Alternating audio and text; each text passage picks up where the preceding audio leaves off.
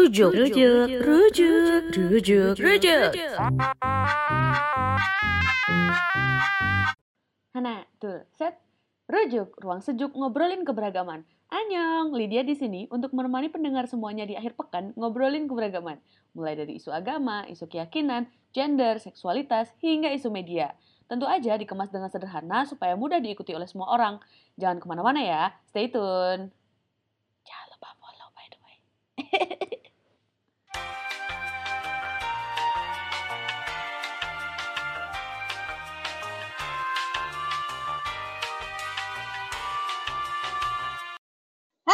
Selamat pagi, siang, sore, kapan pun kamu dengerin podcast ini. Selamat datang di episode terbaru Rujuk, Ruang Sejuk, Ngobrolin Keberagaman. Kali ini kita bakal ngobrol sama seorang influencer. Mari kita sambut, eh, mari kita sambut Kak Popi di Harjo. Kita tepuk tangan ya, nggak tepuk tangan yang meriah. Tepuk tangan nanti di insert aja audionya. Jadi pendengar, Kak Popi ini adalah seorang single parent, penyintas KDRT, founder Perempuan Tanpa Stigma, dan founder No Recruit List. Beliau juga followers, eh followers. Beliau juga punya banyak followers loh. Nanti jangan lupa di follow di akhir aku akan promosikan IG-nya. Tapi sebelumnya kenalan dulu dong Kak Popi sama pendengarnya rujuk. Halo, selamat pagi, Silahkan. sore, malam, terserah ya gitu kalau mereka pada dengernya kapan pun. Saya Popi, biasanya dipanggil Kapop ya gitu. Eh, agak sudah mulai agak aneh sekarang kalau ada yang manggil gue selain Kapop gitu. Biasanya paling anak-anak gue di eh, kantor manggilnya ibu ya. Ibunya pun kayak ibu eh, gemes gitu, ibu pakai K belakangnya. Eh, kayak tadi mau bilang, eh, gue memang aku sendiri eh, punya satu komunitas membentuk satu komunitas berbasis uh, apa ya uh, support group lah mungkin ya. Judulnya support group berbasis komunitas gitu. Namanya perempuan tanpa stigma atau pentas. Pentas sendiri kita bikin berdasarkan pengalaman pribadi. Jadi di pentas itu ada tiga orang. Ada aku ada Mia dipanggilnya kak kami sama ada Nina dipanggilnya Mbu. Jadi kita bertiga ini datang dari ke concern yang sama di mana dulu pada saat kita lagi berjuang untuk menyintas kita tuh ngerasa sendiri.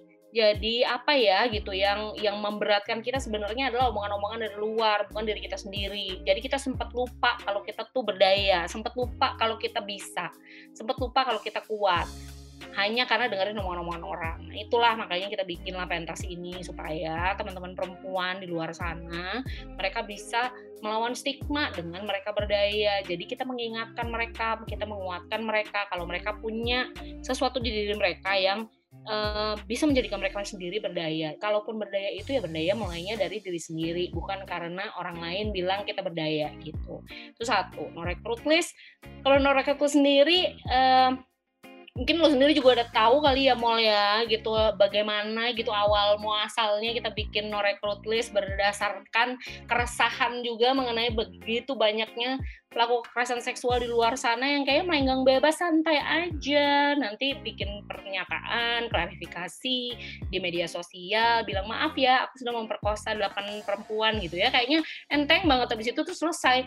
Lalu apa gitu? Terus terus kupikir kalau misalnya aku di kantor nggak kepingin nih ya eh, berada di dalam satu ruangan, misalnya satu ruang meeting bersama pemerkosa misalnya, atau pelaku KDRT, atau misalnya pelaku kekerasan seksual yang lainnya. Dan dari mana aku tahu kalau orang-orang yang di sekitar aku, especially di kantor, tidak punya background itu gitu.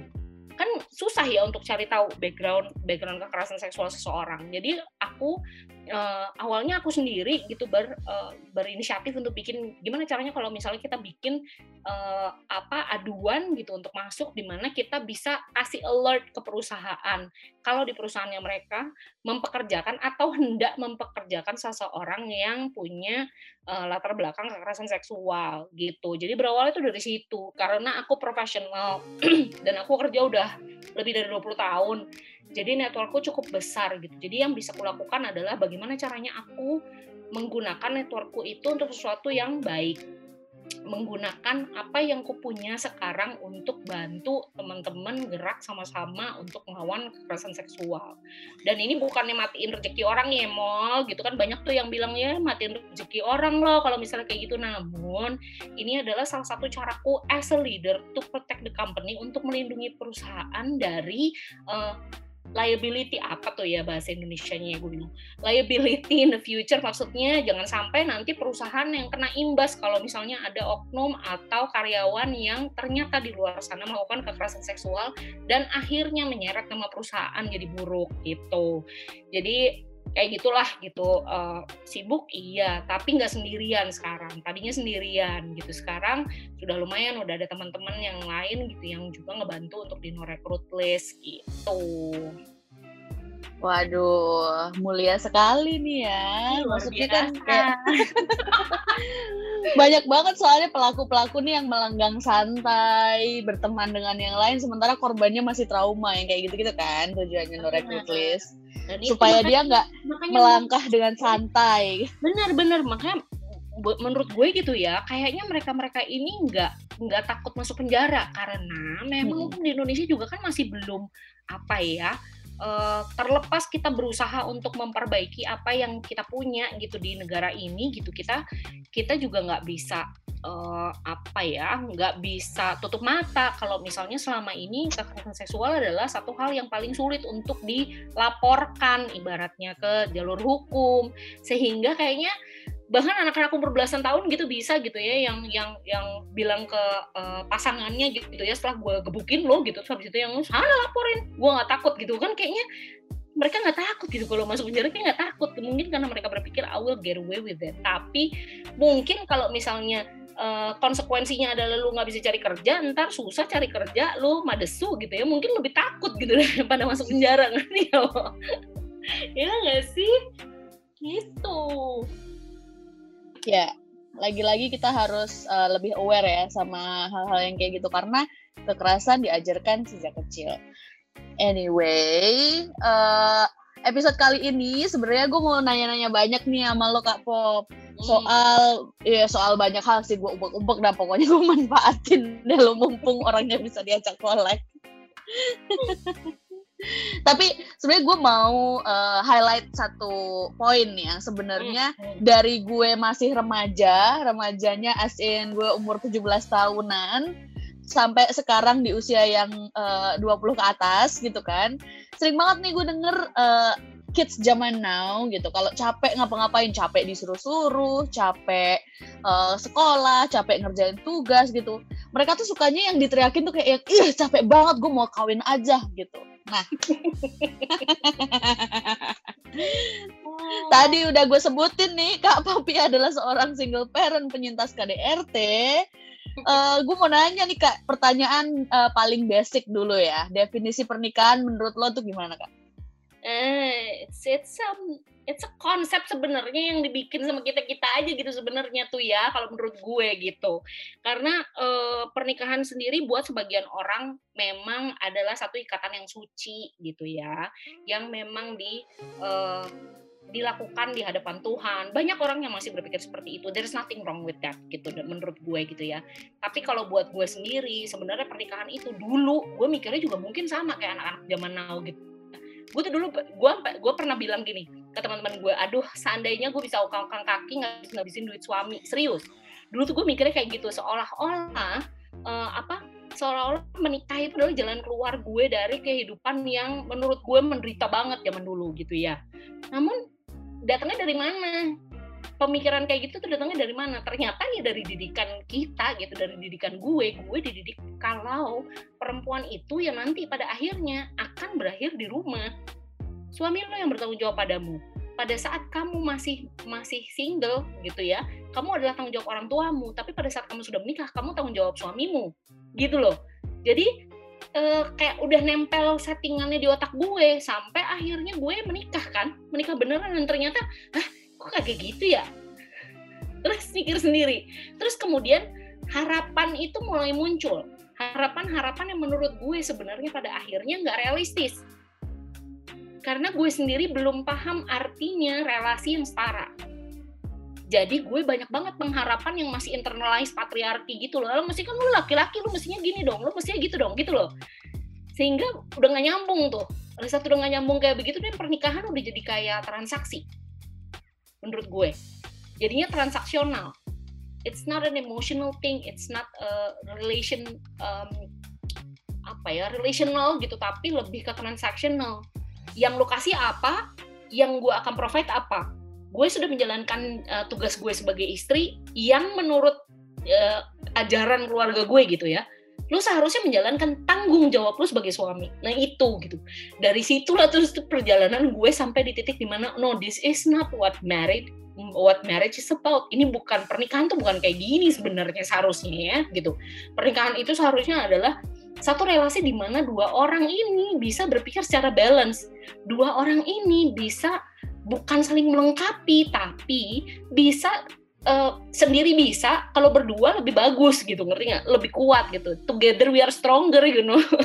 gitu loh maksud gue. Jadi bukan like I complete you, you complete me, you complete completean gitu. Enggak, gitu. Tapi lebih ke bagaimana caranya you work together dalam pernikahan ini it's partnership buatku partnership, companionship gitu ya. Especially kalau udah umur udah sebuah ya mal, mungkin gue udah seumur ibu lo gitu ya. Gue tuh berpikirnya adalah it's companionship di mana um, kalau di agama gue kan ada uh, kita membahas soal kasih kasih itu ini kasih itu itu kasih ini apa gitu ya gitu menurut gue itu itu uh, basic yang baik gitu buat relasi apa pun gitu di mana kita mengedepankan kasih kita mengedepankan love tapi bukan cinta yang tanpa logika ya mal gitu tapi mengedepankan kasih rasa kasih gitu. Empati kita memahami kalau pasangan kita juga manusia belaka gitu ya yang mungkin nggak bisa kita peras untuk nyari duit terserah lu mau kayak gimana pokoknya gue mau makan steak hari ini gitu ya. Kan nggak bisa kan gitu gitu.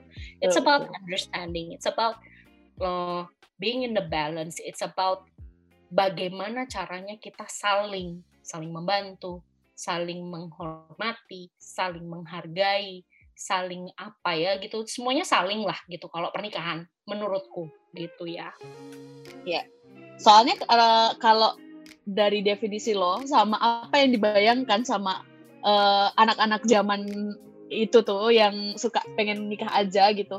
Itu tuh kayak pernikahan berarti seperti melepas tanggung jawab dan dibebankan ke pasangan gitu kan yang pertama. Hmm. kedua transaksional. Karena mereka ya udahlah ya daripada gue jadi beban keluarga mending gue jadi beban suami. Yang kayak gitu mungkin ya mikirnya. Dibiayain deh gue sama suami gue mau mau shopping mau jalan mau ngurus rumah tangga aja deh capek gitu. Pokoknya dia ingin melepas tanggung jawab yang sebenarnya itu uh, memang tanggung jawab dia personal gitu loh. Yang kemudian uh, dia menggantungkannya pada pernikahan. Sementara pernikahan gak seindah itu juga kan kadang-kadang. Nah apa sih kak yang paling penting uh, disiapkan dan dibahas uh, sama pasangan sebelum nikah? Abisnya kan suka sembarangan gitu kan anak-anak nyeletuk. Kayak nggak mikir gitu, biaya pernikahan berapa, sewa gedung berapa, make up berapa, terus biaya sesudahnya. Itu kan mereka nggak mikir kan, kayak gitu. Nah, yang perlu disiapkan sebenarnya adalah nomor satu buat gue ya, buat gue adalah mental. Mental lo paham kalau lo dan pasangan lo itu punya pemahaman yang sama mengenai relasi ini. Jangan sampai lo mikir, lo berasumsi ini, oh dia mau menikahi gue, gue selama ini selalu cerita kok harapan gue tentang rumah tangga kita. Berarti kalau dia masih mau menikahi gue dia setuju sama pemikiran gue. Belum tentu Ferguson. Gitu ya. Belum tentu mohon maaf kesepakatan bersama itu penting bahkan sebelum menikah. Kenapa? Karena gini uh, dulu almarhum teman gue ya salah satu sahabat gue dulu pernah bilang kayak gini uh, tunggu tiga bulan dan rasakan bedanya. Setiap relasi itu biasanya menurut dia itu baru akan kelihatan seperti apa potensinya setelah tiga bulan.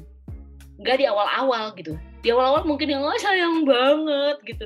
Nerima WhatsApp aja kayak udah deg-degan sampai jantung lo kayak mau copot gitu ya kan gitu. It's all that apa namanya masih transaksional which is fine biasanya gitu. Namun setelah itu pahami uh, kalau orang Jawa tuh nyebutnya bibit bebet bobot sebenarnya. Dan nggak ada salahnya sebenarnya mau lu dari dari orang tua lo kayak gimana lo paham? Bagaimana sih relasi pasangan lo sama orang tuanya misalnya? Bagaimana cara dia berinteraksi dengan keluarganya? Misalnya sama emaknya aja udah kagak hormat gimana dah gitu ya misalnya gitu ya. Kalau buat kita value pada keluarga itu penting eh, kita lihat dari keluarganya seperti apa. Seperti seperti apa sih dia uh, relasinya dengan teman-temannya? Seperti apa sih relasi dia dengan dirinya dia sendiri kayak apa sih lu ngelihat diri lu? Apakah lu cukup pede sama diri lu sendiri? Apakah lu melihat diri lu sebagai sosok yang tangguh tapi bukan flexing ya? Ibaratnya kayak yang oh gue ini adalah seorang gini seorang yang oh, yang belum apa-apa udah ngomong kalau dia CEO ya kan? Banyak tuh di Tinder tuh kayak gitu ama CEO of apa gitu ya kan? Gitu. Not that ya tapi nanti kan lo maksud gue gitu.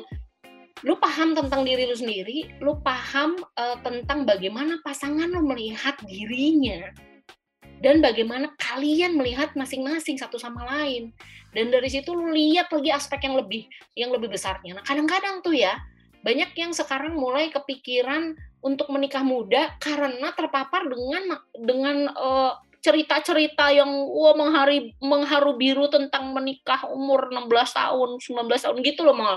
Tinggal sih kayaknya, uh sayang banget gitu. Istrinya nggak bisa masak, uh sayang suaminya yang ini gitu-gitu loh. It's meromantisasi sesuatu yang sebenarnya menurut kita lu nggak siap nikah, lu belum siap nikah, jadi normal gitu buat orang-orang ini. Padahal itu menakutkan loh menurut gue ya. Lo lo nggak siap lo sebenarnya lo ini gitu. Lo hanya berpikir kalau cinta akan me, me, menyelesaikan semuanya. Kalau status lo sebagai istri atau statusnya dia sebagai suami lo akan bisa memudahkan jalan kalian ke depannya. Tidak begitu. Dan yang paling penting juga ya, duit urusan duit mau hampir uh, semua perempuan yang berakhir sedih gitu ya ceritanya rata-rata mereka nggak paham tentang keuangan suaminya atau pasangannya gitu jadi pada saat mereka ber, pada saat mereka mulai hubungan gitu ya dan kemudian uh, banyak juga teman-teman ada juga teman-teman di pentas gitu ya yang dia uh, taruh di atas kertas bagus uh, potensinya bagus. Jadi dia menikahi potensi seseorang. Jadi dia bukan menikahi seseorang, tapi dia melihat potensinya. oh dia berpotensi untuk begini, dia berpotensi begitu karena dia bekerja di sini, karena dia konon katanya gajinya segini. Jadi kan potensinya yang dia lihat, bukan manusia yang sebenarnya, ngerti gak sih lo? Gitu. Jadi pada saat kemudian menikah, eh ternyata dia masih harus membiayai adik-adiknya. Kelar lu. Wah, ternyata masih ada hutang uh, mobil yang belum kelar sampai dua tahun ke depan kelar lu kagak bisa ada tuang kong kaki ngabisin duit suami iya enggak gitu jadi manajemen ekspektasinya menurut gue yang pada akhirnya nggak berantakan itu karena dari awal tidak belum banyak yang kita pahami tentang satu sama lain. Menurut gue sih gitu. Bahkan dulu uh, gue sendiri gue hampir empat tahun loh mau sebelum akhirnya gue menikah sama pasangan gue dulu. Itu aja masih tergazut ya. Seperti menikahi orang yang wow siapakah dia? Tidak seperti sebelumnya gitu. Banyak yang kayak gitu kan? Gitu. Jadi bayang nggak lo? Kalau yang kenal baru sebulan dua bulan gitu terus kemudian menikah pada saat menikah terus shock sendiri. Pada saat sebelum menikah nggak kayak gini. Pas menikah baru ketahuan kalau dia kerjanya main Mobile Legend mulu 24 jam gitu. Selesai nggak lo? Gitu. Um, kayak gitulah kira-kira. Panjang dah kalau ngomongin soal pernikahan mau ya berarti persetujuan itu kan kayak harus terucap gitu ya kak ya? Uh, kita nanti nikahnya begini begini aku punya mimpi aku mau tinggal di Maldives gitu itu kan semuanya harus diucap dan diiyakan kalau misalnya itu konsen bersama ya kan? Kalau misalnya cuma diem aja terus kita menganggap kayak iya seperti yang agama itu bilang yang diam adalah uh, jawaban gitu kan berarti ini harus diulangin nih harus ditegaskan kalau persetujuan itu harus terucap yang kayak gitu kan kak? Bener. Plus kitanya sendiri juga memanage ekspektasi kita gitu loh mau jangan jangan kita pada saat nanti berantem nih ya gitu. Terus kita ngomong tapi mau pada saat gue ngomong sama dia dia tuh tidak menyanggah omongan gue. Ya tak bukan tidak menyanggah bukan berarti dia menyetujui gitu. Jadi pahami kalau misalnya kalau misalnya kamu belum mau menyetujui tidak apa-apa tapi berikan alasannya padaku. Misalnya gitu gitu ya.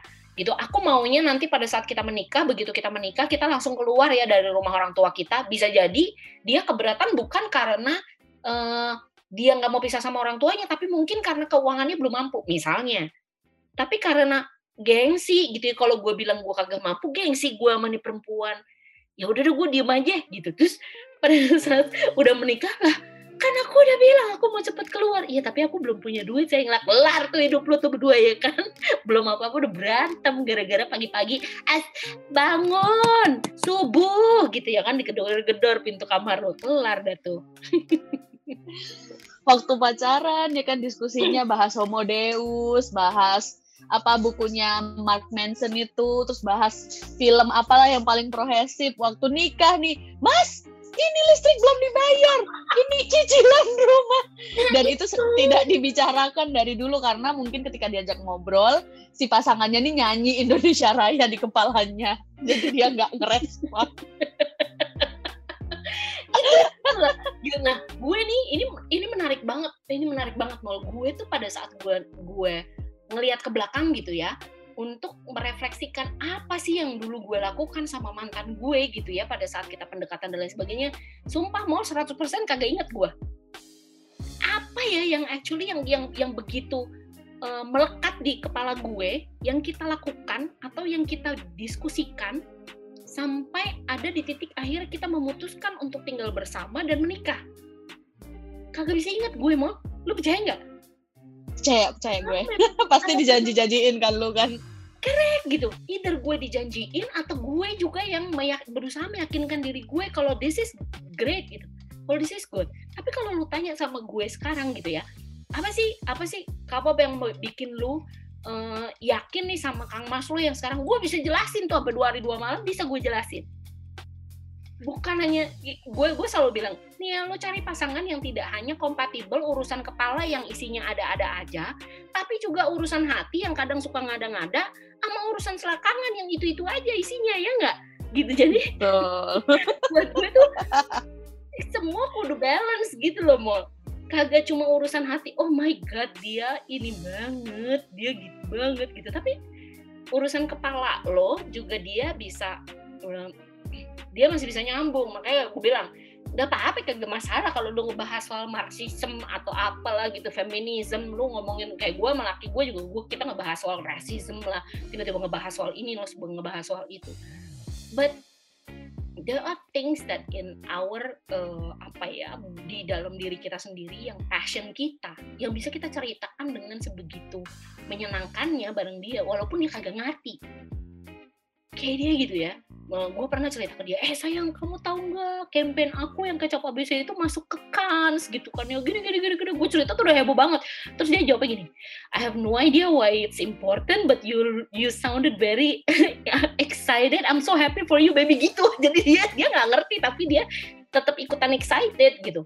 Tell me more. Dan dia minta gue untuk jelasin kenapa ini penting kenapa masuk ke Cannes itu penting gitu jadi dia pengen tahu kenapanya. Apa sih yang membuat lo kayak segini segini heboh gitu segini excited tuh kenapa? Dan he's interested in that genuinely gitu ya. Secara secara uh, tulus gitu dia dia dia tertarik. Seperti pada saat gue tanya lo ngapain hari ini? Oh gue akhirnya dapet hmm, dapat waktu untuk ketemu menteri pendidikan untuk ngebahas soal kurikulum gini. Gitu gitu terus gue yang wow aku nggak ngerti.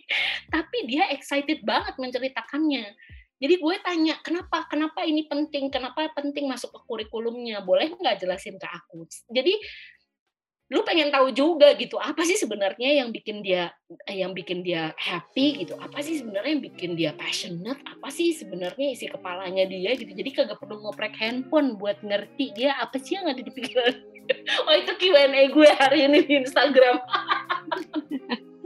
dan dan membuat apa namanya dan hal-hal itu kan sebenarnya yang uh, inti dari kenapa kita dengan pasangan itu menikah gitu kan. Kenapa kita dengan dia uh, bertahan lama gitu kan. Karena memang kita ingin ya uh, ditemani bersama gitu dan mengerti gitu kan. Bukan untuk melimpahkan beban nih gitu. Yes, kayak maka makanya bertumbuh itu yang penting Betul. kalau misal kalau misalnya nih ya banyak banget gitu perempuan-perempuan yang datang ke gue dan bilang aku uh, susah kak untuk lepas dari pasanganku. Dan pada saat gue tanya apa alasannya, aku sayang.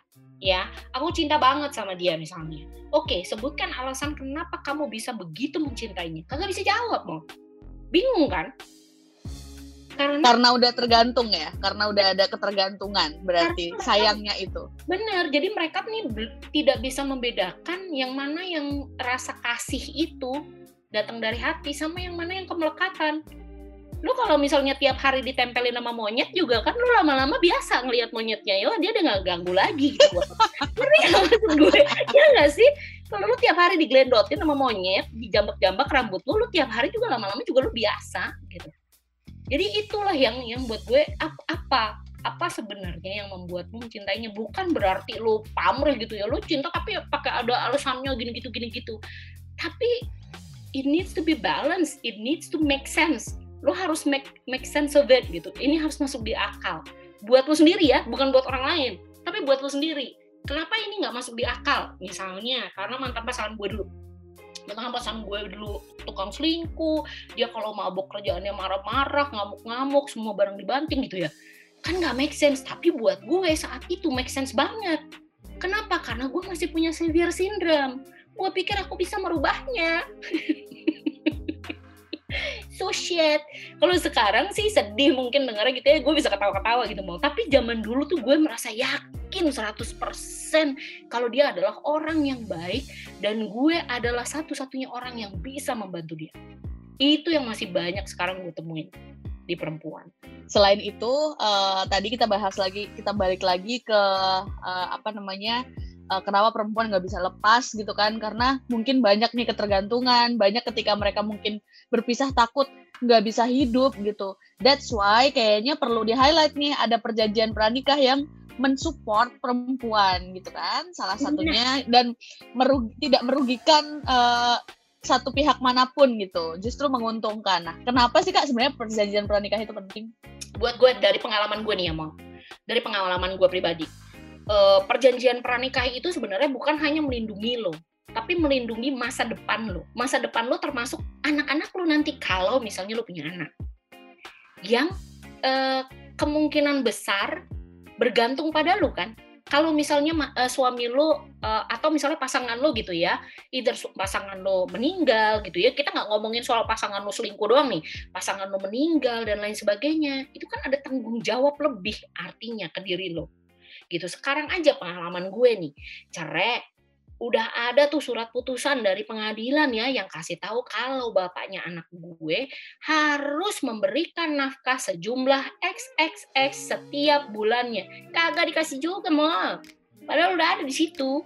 Nah, surat perjanjian uh, pranikah itu kan uh, lebih ke bagaimana dia bisa mempertanggungjawabkan itu semua nanti? Apa kesepakatan kita bersama? Bukan karena ini adalah bentuknya transaksi tapi ini adalah bentuk saling menghargai. Kalau buat gue gitu ya. Jadi bukan transaksi nih. Jadi ada kan orang yang ngomongnya lo buset lo nikah pakai perjanjian pranikah kayak mau beli mobil aja pakai transaksi apa? Bukan itu. Tapi ini adalah salah satu bentuk saling menghargai menurut gue. Bagaimana uh, gue sama pasangan gue yang sekarang aja seperti itu. Dia tahu nih gue di Indonesia gue punya penghasilan sendiri gue punya aset sendiri gue punya macam-macam sendiri. Jadi buat dia gue harus melindungi itu buat siapa? Bukan buat gue tapi buat anak gue. Jadi dia ngomong gitu aku pengen punya rumah di Jakarta. Buat Etlove kalau Etlove mau balik ke Jakarta atau kalaupun misalnya dia nggak mau nempatin itu rumah ya nggak apa-apa. Setidaknya kita punya uh, our Indonesian home gitu. Kalau misalnya kita tinggal di sana gitu ya. Jadi kita mikirin uh, dan gue nggak akan ngotak-ngatik asetnya dia yang di sono. Asetnya dia yang di sono yang sudah ada sebelum sama gue itu kan bentuk penghargaan gue ke, ke keluarganya dia dan ke dia. Itu bentuk gue menghargai dia bukan gue malah yang wow dia punya rumah di Christchurch dia punya rumah di Auckland dia punya rumah di ini di ini semua kena aku ambil. Wow jadi sinetron beb. Tapi tapi ya lo dan dia punya hak dia punya hak untuk melindungi asetnya dia. Bukan melindungi dari dari gue gitu ya tapi melindungi untuk uh, keluarganya dia because that's a family asset kan gitu loh so buat gue it's it's fine loh kalau laki gue karena uh, dia lebih punya lebih banyak aset ya kan dibanding gue kan. Dan it's okay kalau misalnya dia mau melindungi aset itu gitu. Justru aneh gitu kalau misalnya gue yang ngapain sih nggak pakai ini gitu gitu. Malah justru malah jadi aneh gitu malah lu jadi mikir why? gitu. Kenapa lu nggak mau melindungi aset lu sendiri? gitu. Sementara ini my hard work babe. Ini gue kerja keras untuk punya semuanya sekarang buat anakku kan gitu Kalau misalnya di perjanjian eh, ternyata nggak nemu jalan tengahnya nih, berarti bisa batal nggak sih kak perkawinannya? Karena kan udah kayak selangkah menuju perkawinan tuh, udah selangkah menuju happy happy di gedung, selama eh apa selangkah menuju kobil tuh gitu. Terus kalau misalnya ternyata di perjanjian pranikah itu kita nggak nemu jalan tengahnya, entah karena keluarganya yang enggak, dia kayaknya nggak perlu perjanjian pranikah dia nanti minta ini minta itu. Karena kan orang nggak tahu ya konteks perjanjian pranikah tuh kayak apa gitu kan kadang-kadang ya. Pokoknya taunya nanti dikira minta aset dikira minta harta gitu ya. Kayak sinetronku menangis gitu kan. Kalau bisa batal nggak sih kak berarti? Bisa aja tergantung. Tapi ya itu kayak menurut gue tergantung ya. Salah satu teman gue salah satu sahabat gue dia membuat perjanjian eh, setelah menikah jadi bukan pranikah jadi perjanjiannya dilakukannya setelah menikah. Udah dikelarin bla bla bla bla bla bla gitu. Begitu mereka sudah menikah lo tau nggak alasannya karena apa? Karena keluarga ribet. Keluarga ribet jadi nggak bikin pranikah. Yang dia lakukan adalah begitu mereka menikah kan mereka udah tinggal sendiri mereka udah jadi keluarga sendiri jadi mereka memutuskan sendiri gitu. Ngerti nggak? Sehingga orang tua udah kagak bisa ikut campur cuy gitu. Aneh memang ininya apa namanya uh, triknya aneh. Namun itulah yang menurut gue uh, relasi yang sehat. Lu sepakat berdua. Lu tetap sepakat berdua. Lu tetap sepakat menjalani pernikahan ini tapi lu tetap sepakat untuk konsisten sama komitmen lu berdua untuk bikin surat perjanjian ngerti nggak? So it's healthy kan gitu. Walaupun kagak nape deh udah nanti pas kita menikah sudah menikah aja kita bikin perjanjiannya biar biar orang tua kita kagak ribet gitu kan. Kita udah di rumah sendiri gitu ya kan? In a way itu bukan membohongi orang tua sebenarnya, tapi bagaimana caranya kita menavigasi menavigasi hidup kita supaya kitanya bisa mencapai apa yang kita kita harapkan berdua. Dan orang tua terimalah paling enggak lo nggak ngerti nggak apa-apa tapi lo setidaknya lo menghargai gitu. Di Indonesia itu memang yang paling menurut gue ya menurut gue masih terlalu banyak orang tua yang khawatir kalau ada kayak begini-beginian nih untuk rumah tangga anak-anaknya. Padahal, again, ini bisa melindungi masa depan anaknya. Bisa melindungi masa depan anaknya, salah satunya adalah juga uh, teman gue. Di mana dia bikin surat perjanjian pranikah, suaminya ketahuan selingkuh, dan di surat perjanjian pranikah, kalau ketahuan selingkuh, semua aset balik nama jadi namanya perempuannya. Untuk diberikan ke anaknya. Kalau mereka punya anak kebayang nggak? Ternyata dia punya apartemen yang istrinya nggak tahu atas nama dia untuk taruh simpenannya. Jadi kelar nggak tuh? Akhirnya itu apartemen jadi miliknya temen gue sekarang buat anaknya. Gitu tapi tapi that's bukan karena apa ya? Bukan karena mau menghukum suaminya tapi itu kesepakatan kalian dari awal gitu loh. Lu menyalahi kesepakatan kita jadi ya aset lu yang gue ambil dan mereka berakhir sekarang lagi proses perceraian. Jadi untuk urusan harta gono gini nggak ribet mau. Pada saat pada saat bercerai, begitu lu punya ini nih, punya prenuptial gitu. Urusan gono gini di pada saat lu cerai nggak ribet. Udah ada di di perjanjian pranikah. Nih, gue udah kagak gue dia sudah ada jelas bukti kalau dia berselingkuh dan dia memiliki aset lain untuk diberikan kepada orang lain. Dan ini pak walaupun pakai namanya lakinya ya sehingga itu aset ketarik semua sama temen gue. Itu lagi ketawa-ketawa tuh dia nih sekarang punya rumah punya apartemen. Tapi bukan memang bukan buat dia dia gue sih gue sih gue gue gue akan jual uh, buat anak-anak gue lah gitu which menyenangkan kan? Maksud gue lo bener-bener lo me, me, memulai hidup baru lagi gitu begitu lo bercerai. Kagak yang pusing ngurus ngurusin gono gini sampai empat tahun hampir lima tahun. Kagak kelar-kelar ada nih satu uh, klien pendampingan gue. Lo kebayang nggak gitu? Kalau misalnya nggak ada prenuptial bisa sampai kayak begitu. Especially kalau lo menikahi seseorang yang mungkin sudah punya aset uh, atau kemudian memiliki aset yang lumayan banyak gitu uh, buat uh, kalian berdua gitu. Yep. Nah, uh, hari ini kan kita banyak nih bakal ngomongin soal perkawinan, uh, terus kemudian uh, perkawinan yang abusive itu kata yang tepat kan ya, abusive gitu, perkawinan yang abusive dan memilih untuk keluar dari perkawinannya yang abusive. Kira-kira nih Kak, apakah uh, tindak abuse dari suami atau pasangan itu selalu dalam bentuk fisik? Hmm, nah itu uh, sampai sekarang sih masih banyak yang berpikir seperti itu ya. Kalau KDRT itu artinya adalah lo dipukul, itu artinya lo ditempeleng, itu artinya lo ditendang. Pokoknya ada sesuatu yang berhubungan dengan fisik. Padahal sebenarnya enggak. Dimensi kekerasan sendiri kan dalam rumah tangga banyak. Ada kekerasan fisik, ada verbal, ada psikis, ada ekonomi gitu ya. Uh, tapi ya itu keseringan memang uh, secara otomatis orang berpikir kalau gue cuma dikata-katain goblok sama laki gue itu bukan KDRT. KDRT itu kalau gue udah digebuk. Padahal sebenarnya enggak, enggak juga. Misalnya gue dipaksa nih, gue dipaksa untuk berhubungan seks, itu bukan KDRT. Itu kewajiban istri emang ya. Lu mau kagak mau dan lu harus ngeladenin laki lu gitu. Padahal sebenarnya itu masuk KDRT atau misalnya ini ada satu klien pendampingan gue juga gitu ya yang bilang, ya kak, uh, dia sih nggak mukul, selalu begitu selalu begitu nih ngawalinnya begitu. Dia sih nggak mukul tapi dia uh, dia bilang kalau dia akan bunuh diri kalau aku ceraikan dia. Itu kan psikis sudah. Itu kan kekerasan psikis dong. Gitu. Dan menolak untuk menafkahi anak kalau misalnya aku uh, aku uh, apa gugat cerai kamu bisa mencari uang nggak? Bisa. Selama ini yang menghidupi anak-anakmu siapa? 80% aku sih kak. Ya kenapa lu takut? Udah sikat aja gitu. Cerai menurut gue sih gitu gitu. Tapi ya memang mungkin karena apa ya bagaimana narasi itu dibentuk kali ya. Sehingga orang-orang berpikirnya KDRT itu berhubungan dengan uh, kekerasan fisik gitu. Padahal kayak gue. Gue itu dulu lebih banyak verbal. Dan dulu gue juga berpikir hal yang sama. Dia nggak mukul kok. Cuma suaranya aja yang kenceng dia nggak mukul kok. Cuma suaranya yang kenceng. Sampai akhirnya dia mukul gue tetap mikir ini karena gue berantem aja sama dia. Makanya dia nampar gue. Tapi gue lawan mul. Gue lawan sampai gue bilang lu jangan lu pikir gue takut. Lu mukul gue gue akan mukul lu balik.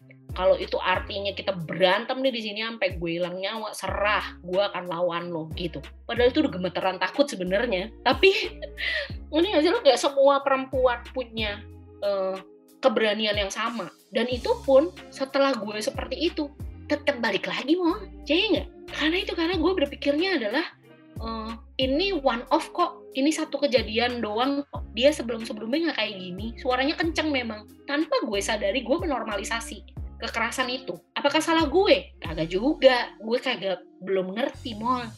Kalau gue udah ngerti mungkin gak akan seperti itu gitu. Nah itulah teman-teman kita perempuan di luar sana masih banyak yang kayak gitu. Mereka belum paham kalau KDRT itu termasuk di dalamnya adalah kayak yang yang gue alamin.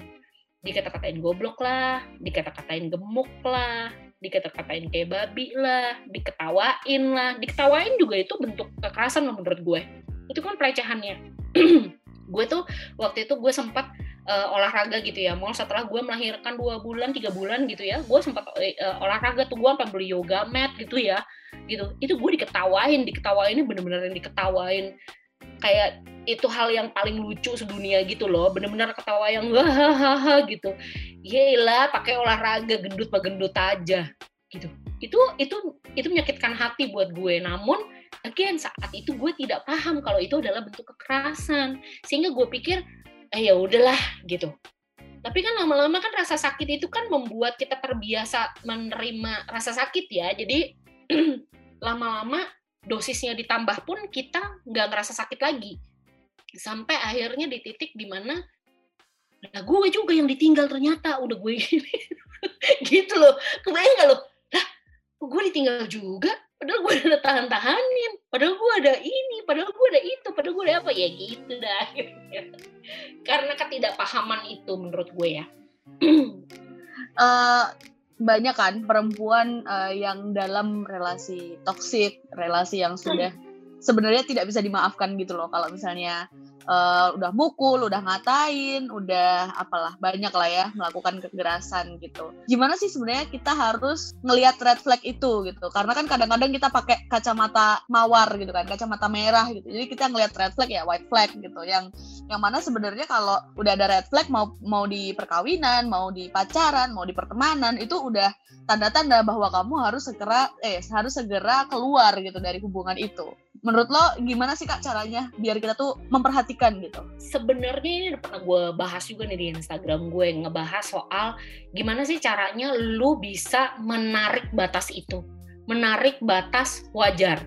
Jadi gue sama Kang Mas gue nih sekarang kita punya deal breaker namanya. Kalau misalnya lo lakukan A, break.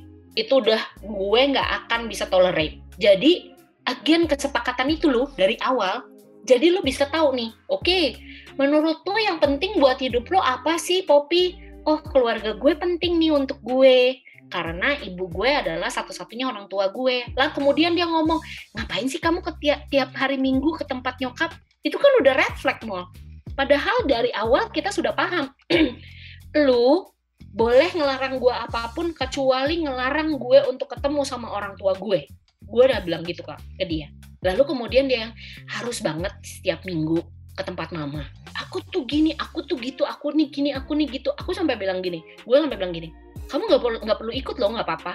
Ya udah, sampai akhirnya tapi kan aku nggak enak kalau misalnya aku nggak ikut ini malah akhirnya gue nggak ikutan. Nah, gue dulu membiarkan itu mau.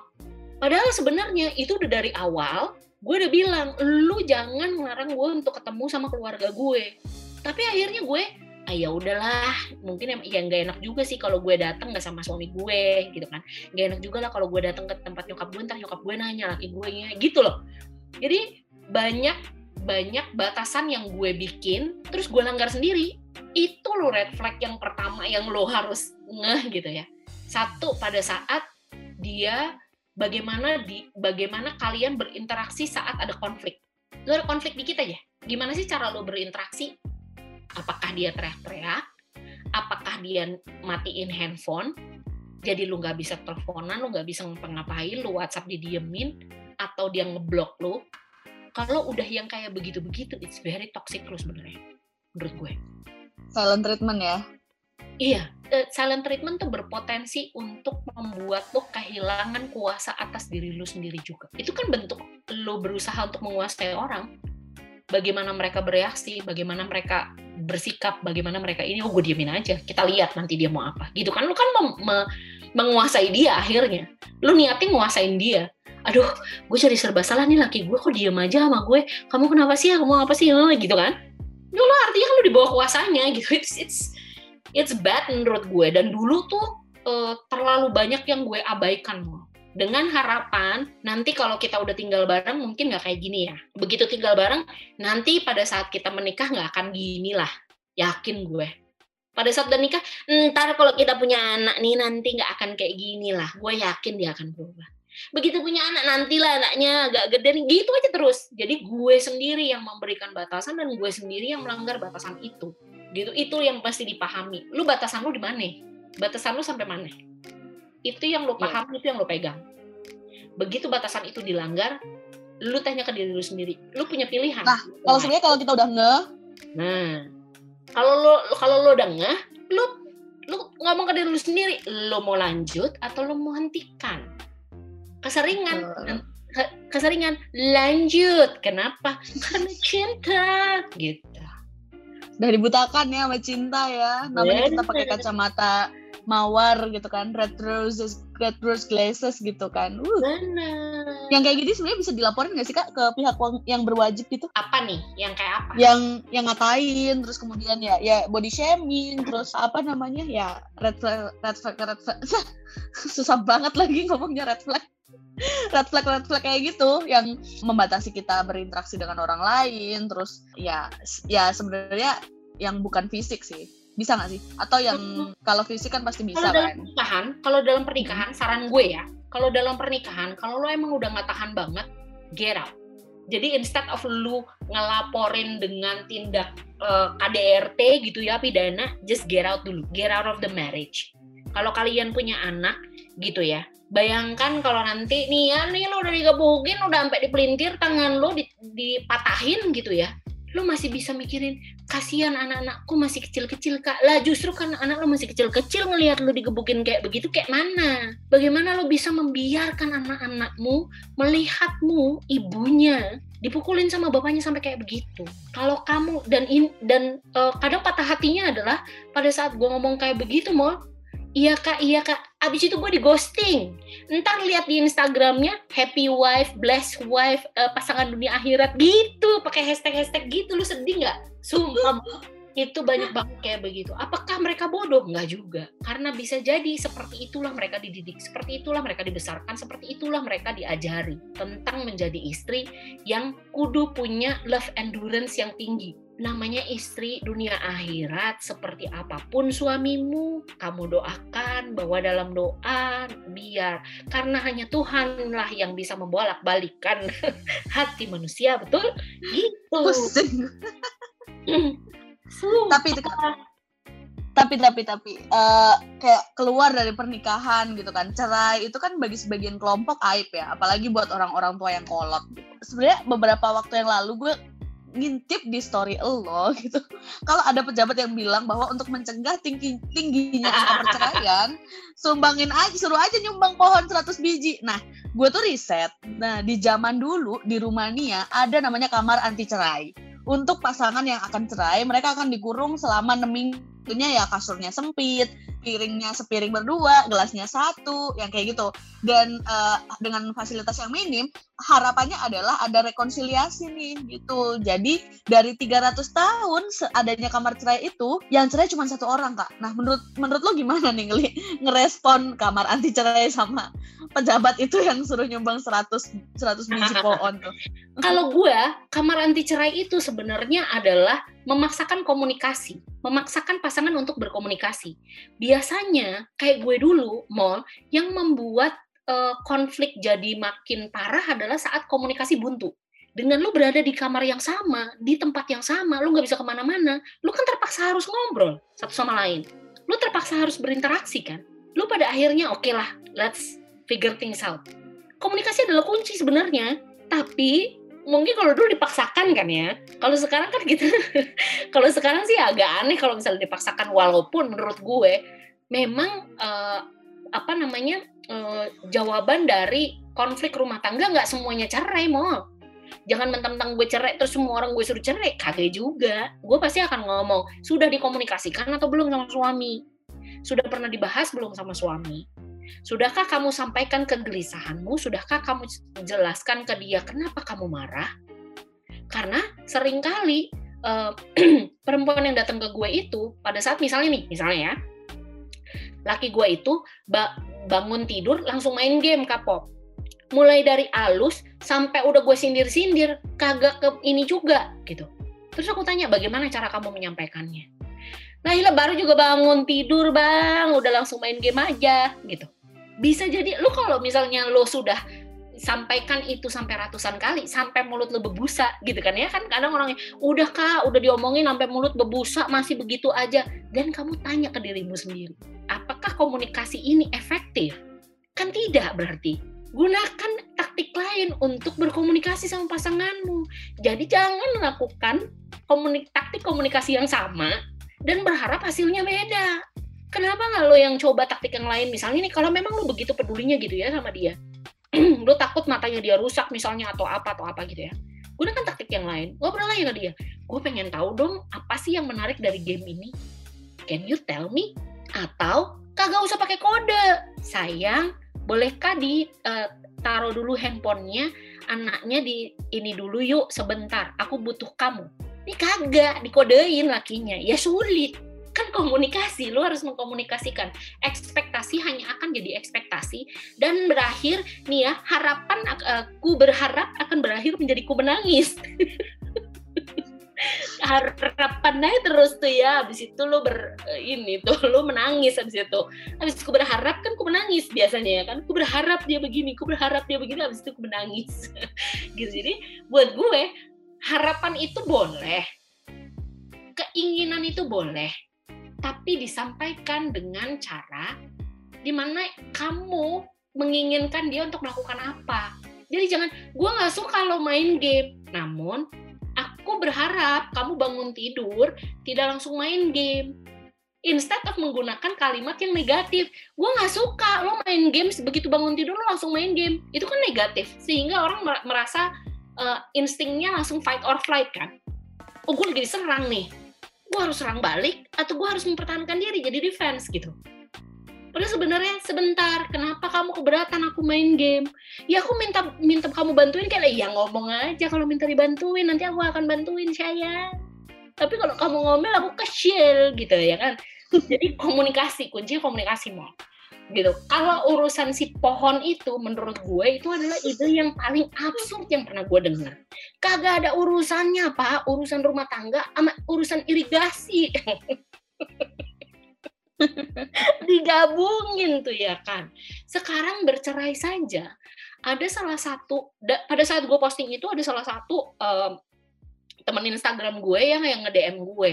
Dan ngasih tahu kayaknya setelah itu juga gue posting kan kalau kesulitannya dia adalah lah sekarang biaya aja sulit pak untuk bercerai. Punya biaya aja enggak. Kita pakai SKTM surat keterangan tidak mampu. Lah disuruh nyumbang 100 pohon tuh kayak mana? Kalau misalnya nggak nyumbang 100 pohon lu kagak bisa cerai. Lah kalau di tiap hari lu digebukin udahlah susah gue digebukin tiap hari. Disuruh nyumbang pohon gue bisa cerai aja udah bagus ini dipakai SKTM gitu. It's absurd kan gitu urusan kayak begituan gitu ada satu lagi juga yang menuliskan tuh yang memberikan statement kalau uh, foto keluarga dipajang di uh, apa namanya di kantor untuk menghindarkan diri dari perselingkuhan. Mohon maaf ibu, pakai cincin kawin aja kadang dicopot ya kan? Cincin kawin terus dicopot tuh buat selingkuh. Niat selingkuh mah urusan niat bukan urusan ada foto keluarga atau enggak di meja kantornya gue ya setuju setuju nah kalau mau bercerai sebelum cerai itu apa sih kak yang sebenarnya harus disiapin kayak uh, penting gak sih pemahaman soal ke, uh, finansial, hak asuh uh, hak asuh anak, kemudian juga kalau misalnya dalam perkawinan udah ada anak nih, ketika bercerai bisa nggak sih si anak itu ikut ibunya? Hmm, itu pertanyaan sejuta umat, mau. Anak nanti bagaimana ya kapot? Gitu. Pertanyaan sebenarnya. Aku tuh selalu balik nanya, bagaimana gimana maksudnya? Nanti anak bisa sama aku nggak? anak di bawah 12 tahun, biasanya hakim akan memberikan hak asuh ke ibunya.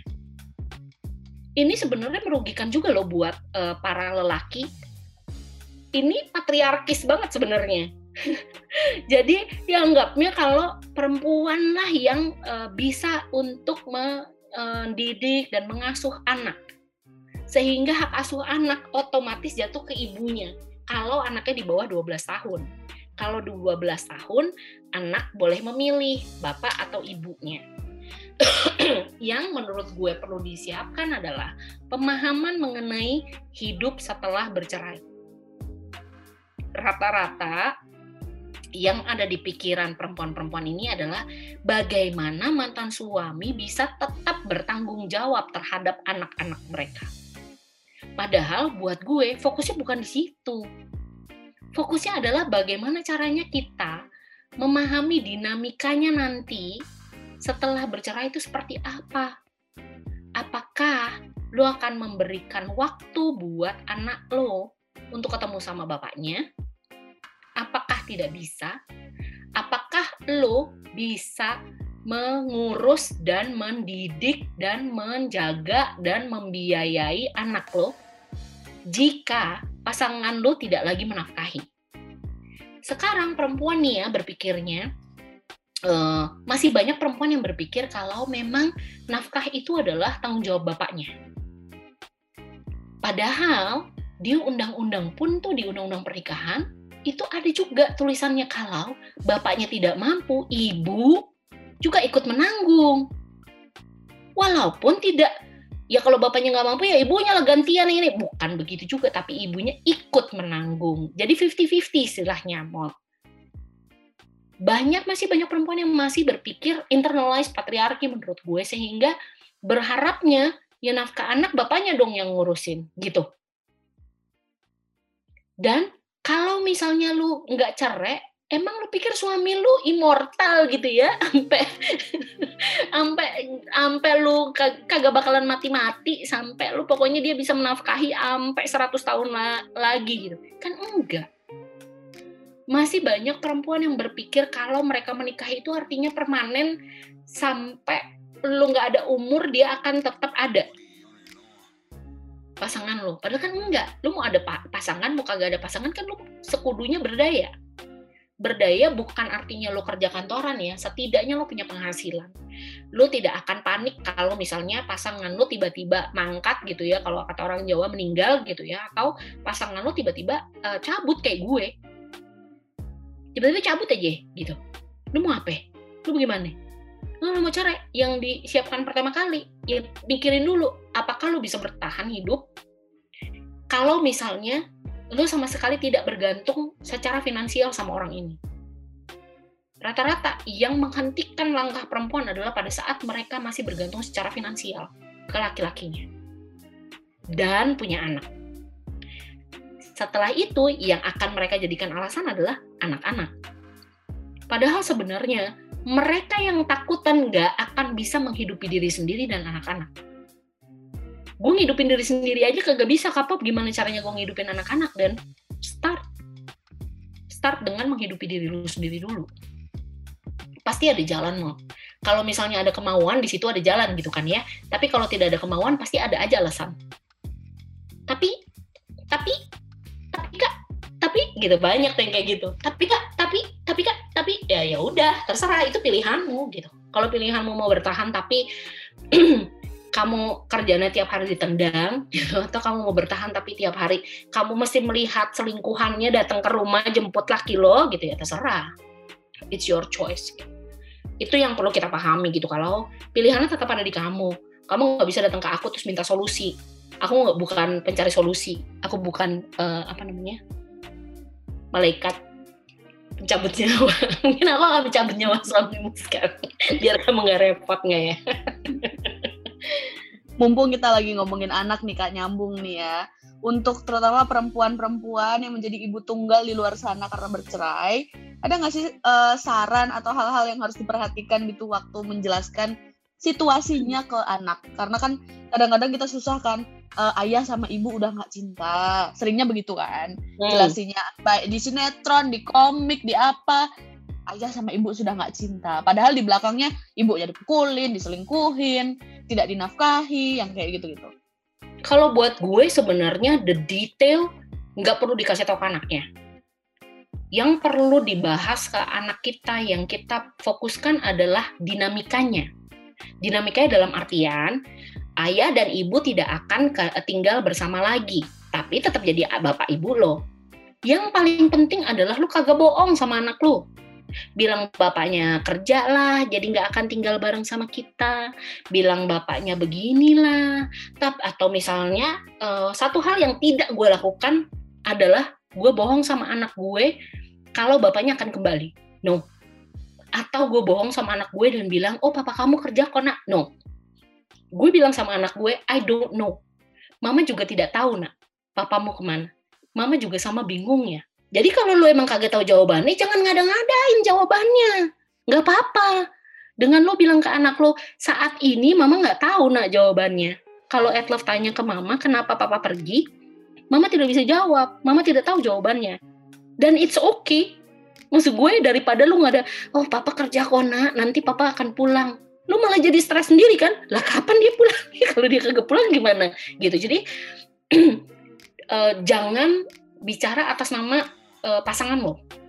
Contoh, ibu dan ayah mungkin tidak tinggal bersama lagi, tapi ayahmu sayang kok sama kamu. Ayah akan begini, ayah akan begitu. Kagak usah, kagak usah. Jangan ngomong atas nama dia. Kamu hanya bisa mengontrol apa yang bisa kamu kontrol. Kamu hanya bisa menjanjikan apa yang bisa kamu janjikan. Jadi pada saat aku sama Etlove gitu ya, kan gue pindah nih dari rumah yang lama ke rumah yang sekarang. Begitu ketahuan lah ya, ya dia ternyata selingkuh tidur sama sana sini apa segala macam Eh, gue pindah rumah karena kagak bisa gue di rumah itu lagi gitu ya. Dan di rumah itu ternyata dia udah dia pernah juga sama perempuan lain gitu di rumah itu di di tempat tidur gue gitu. Jadi kayak udah yang eh, jijik banget aku nggak mau di rumah itu gitu. Aku mau pindah gitu. Saya gue pindah ke rumah ini di malam terakhir rumah kita udah kosong tuh ya udah tinggal tempat tidur doang tuh ya.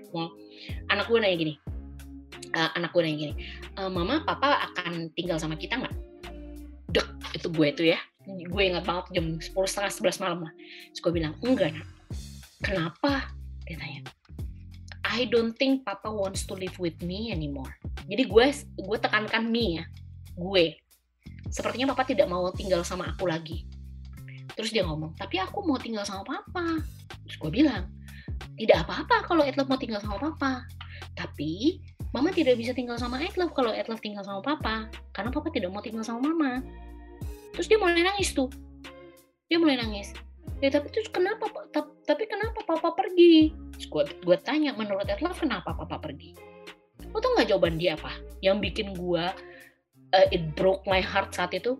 Dia ngomong mungkin karena kalau aku main mainanku berantakan. Jadi rumah berantakan terus. Gue bilang no it has nothing to do with you. Nggak ada hubungannya sama itu. That's one thing for sure. Lo kebayang nggak? Jadi banyak anak-anak juga yang berakhir menyalahkan diri mereka pada saat ada konflik antara orang tua. Jadi pastikan kalau mereka paham kalau ini bukan salahnya mereka. Pastikan mereka paham kalau ini nggak ada hubungannya sama mereka. Kalau ini adalah antara lu sama bapaknya. Jadi di- dibedakan gitu loh. Dan gue bilang sama dia loh I don't know why he left us. Mama tidak tahu kenapa papa meninggalkan uh, kita. Mama tidak punya jawabannya sekarang nak.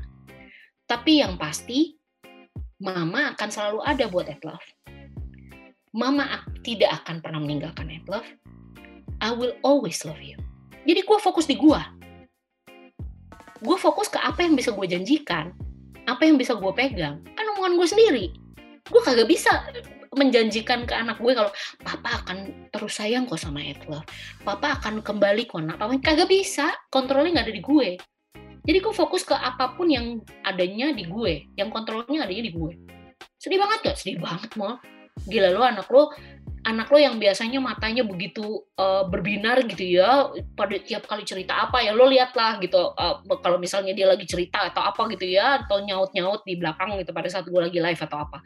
He's very expressive anaknya. Tapi malam itu dia beneran yang sampai nangis sampai sampai gitu. Itu ya pada saat bapaknya pergi seminggu setelahnya sampai seminggu ke depannya tuh wah dia tiap kali gue berangkat kerja tuh dia kayak anak apaan tahu. Dia takut banget mendengar kata kerja. Mama berangkat kerja ya nak? Dia takut banget karena bapaknya kan pamitnya kerja mau pada saat pergi. Jadi buat dia tuh kayak kata kerja tuh yang wah ntar mak gue kagak balik lagi nih mak gue nggak pulang nih bisa nih. Setiap setengah empat sore atau jam 4 sore dia akan nelfon gue nangis nanya mama pulang nggak mama pulang nggak? Mama pulang jam berapa? Nanti aku lihat mama nggak? Nah aku lihat mama nggak gitu. Dia umur lima tahun waktu itu. Kebayang nggak lo? Berat nggak? Berat mau but I gotta do what I gotta do yang gue lakukan apa? Gue ingat kalau gue nggak perlu eh, mikirin nanti sampai dua tahun ke depan gue akan begini. Kagak usah. Kadang you survive one day at a time aja udah cukup. So I did just that gitu. So I gue nggak yang ambisius akan mengalahkan dunia dalam waktu satu kali 24 jam? Enggak. Maksud gue lebih ke yang oke ini juga adjustment buat gue. Yang gue sempat lupakan adalah waktu itu gue mikirnya dari kacamata istri kan istri yang ditinggalkan. Padahal sebenarnya ada anak gue juga yang ditinggalkan loh dan dia juga mungkin sama sedihnya sama gue mungkin lebih lebih nggak ngerti gitu. Dan gue tidak bisa menceritakan ke dia kan lo tahu nggak bapak lo pergi tuh gara-gara begini? Ih, kagak mungkin juga mau karena buat gue anak gue pun mungkin nggak paham belum paham ya konsep eh, pernikahan. Lah baru juga lima tahun belum mengerti konsep pernikahan. Namun eh, yang kita bahas adalah dinamika. Nanti hanya akan ada mama sama bude di rumah. Kalau misalnya Edlove kangen sama papa Edlove bisa telepon papa. Tapi jangan marah ya nak. Kalau misalnya papa tidak men- mengangkat teleponnya atau papa nggak telepon balik.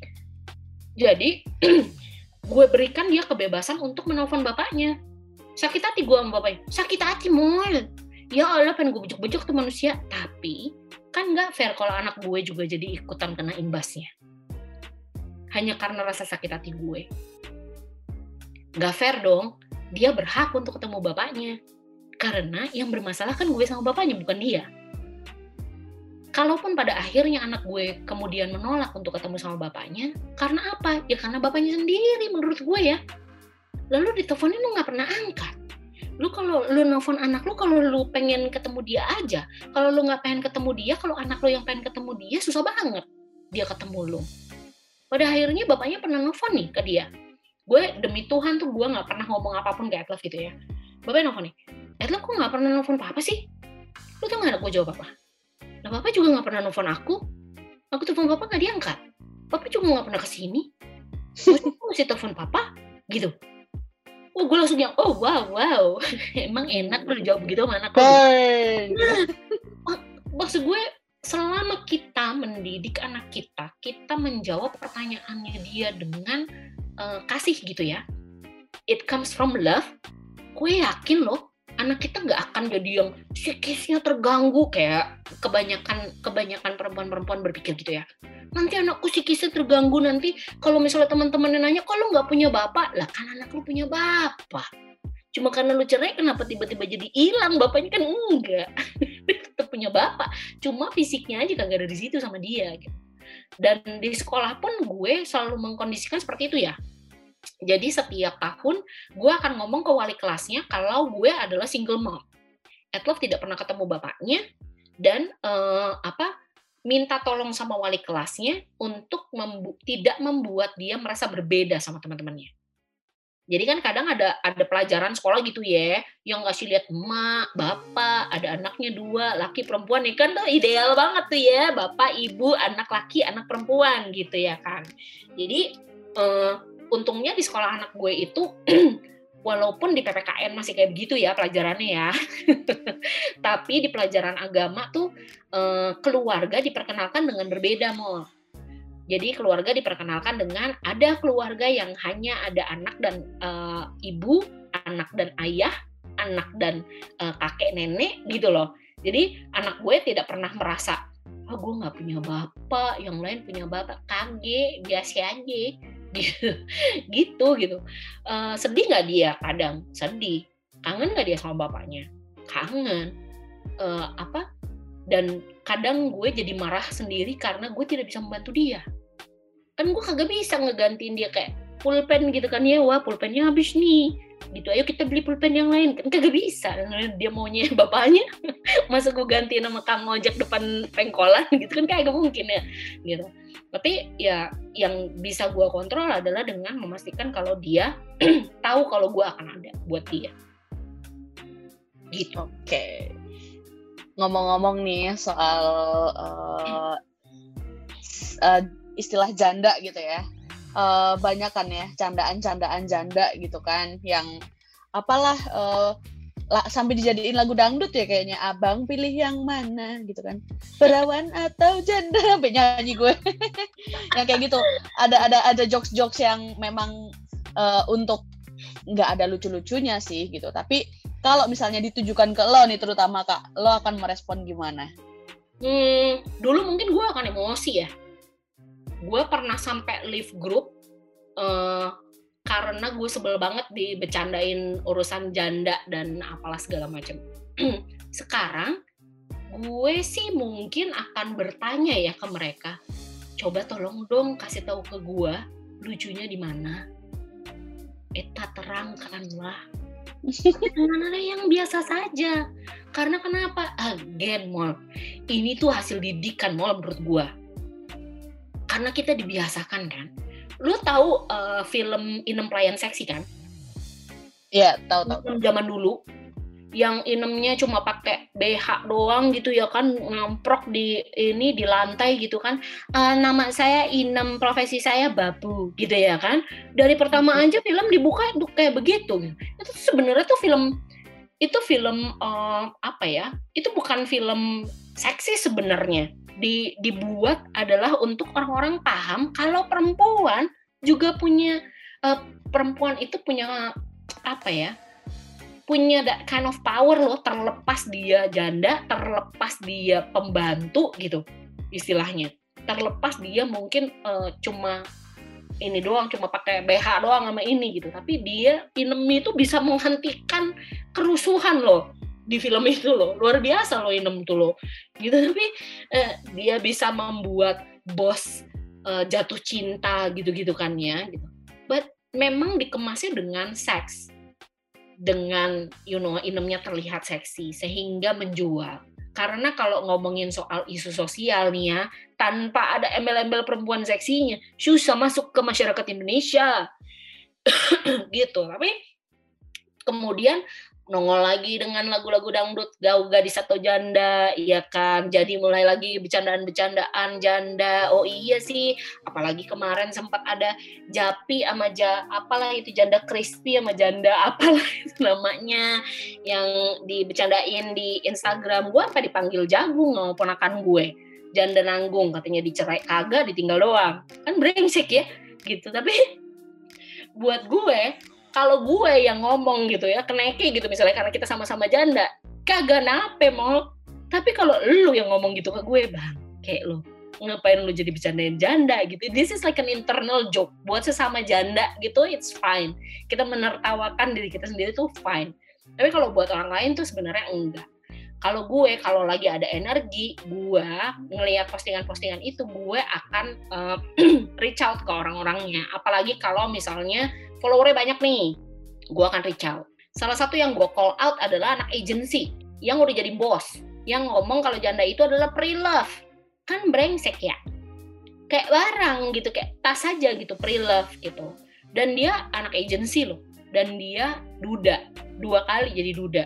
Apa bedanya antara janda sama duda sebenarnya? Kan sebenarnya kata-kata itu dua-duanya sama loh menunjukkan orang yang tidak lagi menikah baik karena perceraian ataupun karena pasangannya meninggal. Kan sama definisinya tuh sama. Tapi kenapa akhirnya jadinya janda doang nih yang diembel-embelin? Janda seksi janda apa? Coba aja lu cari dari uh, Instagram gitu. Hashtag janda. Pasti belakangnya montok seksi apa gitu ya kan. Padanannya tuh begitu. Padanannya seksualisasi gitu. Gue sih sekarang ya santai aja. Gue nggak mau jadi polisi moral juga gue nggak mau jadi polisi moral di mana gue uh, apa ajak berantem semua orang yang bercandain soal janda. Tapi gue fokus ke pemahaman uh, kita sendiri sebagai janda tentang diri kita. Definisi kita ya kita sendiri yang yang yang uh, tentukan gitu. Jangan mau ditentuin sama orang lain. If it's not you ya santai aja. Tapi tanya jangan ikutan ketawa. Kalau menurut gue kalau lu ikutan ketawa ya udah lu samain aja gitu tapi kalau ada yang bercandain seperti itu, lu tanya, coba dong gue pengen paham nih lucunya di mana. Itu udah bikin awkward, lu bikin awkward aja, mal. kalau ada yang bercandain kayak gitu, temen lu gitu bercandain lo kayak gitu, lu bikin awkward, gue kagak paham, sumpah. Lu jelasin dong ke gue nih lucunya di mana. Gitu. Kalau enggak, kagak usah, percuma gitu karena buat gue uh, itu learn behavior ya, lu pelajarin yang kayak gitu gitu kan lu pelajarin tuh nggak mungkin lo terlahir langsung jadi seksis gitu menurut gue. Setuju, setuju, setuju. Kalau kita ngebayangin kan, kalau kita ditanya kata janda, setelahnya terlintas apa di pikiran? Pasti kan yang kayak tadi, janda montok, janda seksi, janda gatel gitu. Tapi kalau duda, duda keren, duda beranak satu, duda apa? Netral Kalau kalau diposisikan juga nih, kalau misalnya dia mau kita insult juga balik gitu kan, kalau misalnya lo bilang uh, janda adalah thrift apa barang pre-love, berarti lo barang thrift shop dong yang udah nggak jelas berapa kali pemakaian yang kayak gitu saking keselnya mungkin ya. Bener, tapi eh, itu gitu kalau misalnya nggak usah soal label janda deh, mau apa pun gitu ya. Ada orang yang labelin kita, terus kita marah banget gitu ya, kesal banget, gue emosi. Lu tanya ke diri lu sendiri kenapa? Kenapa kenapa? Datangnya dari mana? Rasa marah ini datangnya dari mana? Rasa nggak nyaman ini datangnya dari mana? Apakah karena lo merasa lo tidak berharga? Berarti kan datangnya dari diri lo sendiri. Karena lo meng, um, mungkin lo saat itu lagi merasa, iya ya gue janda, gak punya anak satu. Jangan-jangan benar kata mantan gue, kalau cuma orang goblok yang akan mau sama gue. Udahlah gue udah, udah tua, hampir 40 waktu itu umur gue ya kan. Udahlah gue udah uh, hampir 40 umur. Udahlah gembrot, udahlah jelek kata dia gitu. Hatinya busuk lagi kata dia gitu kan. Ya cuma laki-laki goblok yang mau lu gitu ya kan. Gitu. Terus gue jadi mengamini kan jangan-jangan bener nih. Kok kayaknya semua orang mengolok-ngolok janda ya? Jadi gue ngerasa insecure sama diri gue sendiri dan itulah yang bikin gue ke-trigger. Jadi marah jadi begitu gue paham datangnya dari mana dan kemudian gue build my own self nih ya definisi gue sendiri udah kagak kayak begitu lagi mau santai aja. Tapi edukasi terus dilan di, kita lanjutin gitu loh. Tapi edukasinya bukan dengan menghakimi ya. Dengan eh si Mol goblok aja nih ngomong janda begini begitu gitu misalnya. Brengsek nih si Mol gini, gini enggak. Bukan dengan menghakimi tapi dengan berusaha memahami keresahan kita sendiri. Gue resah kalau ngelihat janda yang janda diginiin karena apa? Karena bagaimana? Misalnya, Lemen kenapa kalau gue janda? Banyak tuh yang gini, cie janda, terus ke trigger. Emang kenapa kalau gue janda? Lah, bikin masalah baru kalau menurut gue kagak usah, kagak usah. Kecuali ya memang lo pengen supaya orang apa ya, supaya orang ini berhenti gitu ya uh, karena mungkin di lingkungan kerja gitu ya lo bisa tanya ke orangnya boleh nggak jelasin ke gue apa yang lo maksud gitu pada saat lo ngebahas soal janda lah atau apalah gitu uh, ini gue mau nanya pertanyaannya sebenarnya penting banget Kenapa banyak tanaman dan jualan di luar sana yang pakai nama janda? Janda bolong, janda sobek, janda gatel, janda merana. Gue gue riset semuanya nih, gue cari tanaman namanya janda gitu. Terus banyak juga nih brand-brand yang pakai embel-embel janda, nasi uduk janda, kopi janda, apa janda kayak gitu. Kenapa sih kak? Sebenarnya gue kesel gitu, mi gak habis pikir. Itu karena menurut gue lo salah, lo salah denger. Ron, do bolong. Jadi bukan rondo bolong, rondo tuh kan janda. Jadi lu karena lu salah denger, jadinya nempel itu nama rondo bolong. Padahal sebenarnya rondo bolong.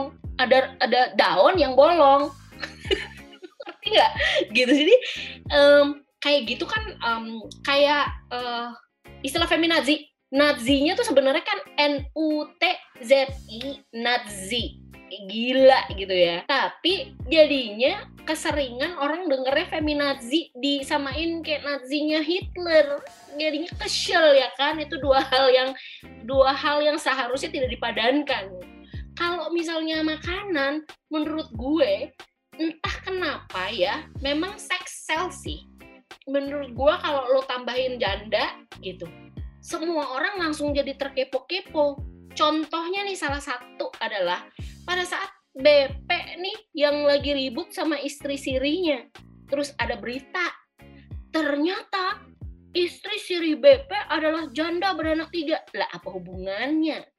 Gak ada hubungannya, tapi jadi menarik. Wow, BP nyari janda ternyata untuk dijadiin istri kedua. Padahal kagak ada hubungannya, cuy. Dia manusia-manusia juga. Gitu menurut gue. Anything yang kontroversial atau sesuatu yang menarik uh, perhatian orang biasanya menjual gitu. Itulah yang digunakan kenapa jadinya ada uh, bubur janda lah. Di dekat sini ada tuh bubur janda kalau nggak salah. Uh, padahal kagak tahu apakah emang yang jualan janda apakah emang resepnya resep janda atau gimana gue nggak ngerti gitu. Tapi ya that word itself dianggap cukup menjual untuk orang kepo lah, untuk keci lah gitu. Nah, uh, ada nggak sih uh, pesan untuk teman-teman yang akan dan sudah menikah gitu Kak Pop? Karena kan uh, kembali lagi di pertanyaan yang paling awal tadi, untuk teman-teman yang mau menikah itu banyak banget sebenarnya yang harus dipersiapin dan untuk teman-teman yang udah menikah ternyata nggak semulus perkawinannya Dewi Sandra eh Sandra Dewi siapa sih yang nikahnya ala Disney Sandra Dewi ya yang princess iya. banget. Alhamdulillah puji Tuhan yang nggak tuh dikasih suami kayak gitu. Kalau buat gua kalau buat gue semuanya ya komunikasi adalah kunci. Dikomunikasikan. Kalau punya ekspektasi dikomunikasikan. Jangan cuma sekedar ekspektasi kayak tadi gue bilang. Ku berharap akan berakhir jadi ku menangis jadinya. Kalau cuma di uh, ekspektasi doang tanpa komunikasi komunikasi paling penting buat uh, semua pasangan gitu lah ya dalam relasi apa pun mau sebelum menikah ataupun setelah menikah. Komunikasi ini tujuannya apa? Tanya dulu apakah untuk menyamakan visi misi? Apakah untuk men menentukan bagaimana kalian nanti pada saat kalian akan menikah atau sudah menikah dan lain sebagainya. Gitu. Jadi nomor satu adalah komunikasi. Komunikasi adalah kunci. Jangan um, buat gue sendiri jangan hanya berpikir apa yang bisa kalian lakukan berdua tapi apa yang bisa kamu lakukan untuk dirimu sendiri untuk menjadi tetap menjadi dirimu sendiri setelah kamu berpasangan. Karena rata-rata pada saat sudah menikah rasanya jadi lebur gitu ya mau dileburkan. Apalagi banyak yang eh, kalau di agama gue gitu ya dua jadi satu Padahal sebenarnya kalian tetap berdua. Kalian adalah dua individu yang berbeda. Dengan memahami kalau kalian dua individu yang berbeda, kalian memahami kalau perbedaan itu biasa. Kalian akan menerima perbedaan. Karena yaitu cuma karena lo pacar gue gitu misalnya mau masa lo harus berpikir sama sama gue ya kagak lah kita tetap dua individu yang berbeda gitu yang punya preferensi yang berbeda yang punya pemikiran yang berbeda, yang keinginan yang berbeda, dan it's okay to be different gitu dari pasangan lo menginginkan hal yang berbeda. Bagaimana caranya untuk berdaya? Ingatlah tidak semuanya abadi. Jadi pastikan kalau kalian paham kebutuhan kalian di masa depan seperti apa.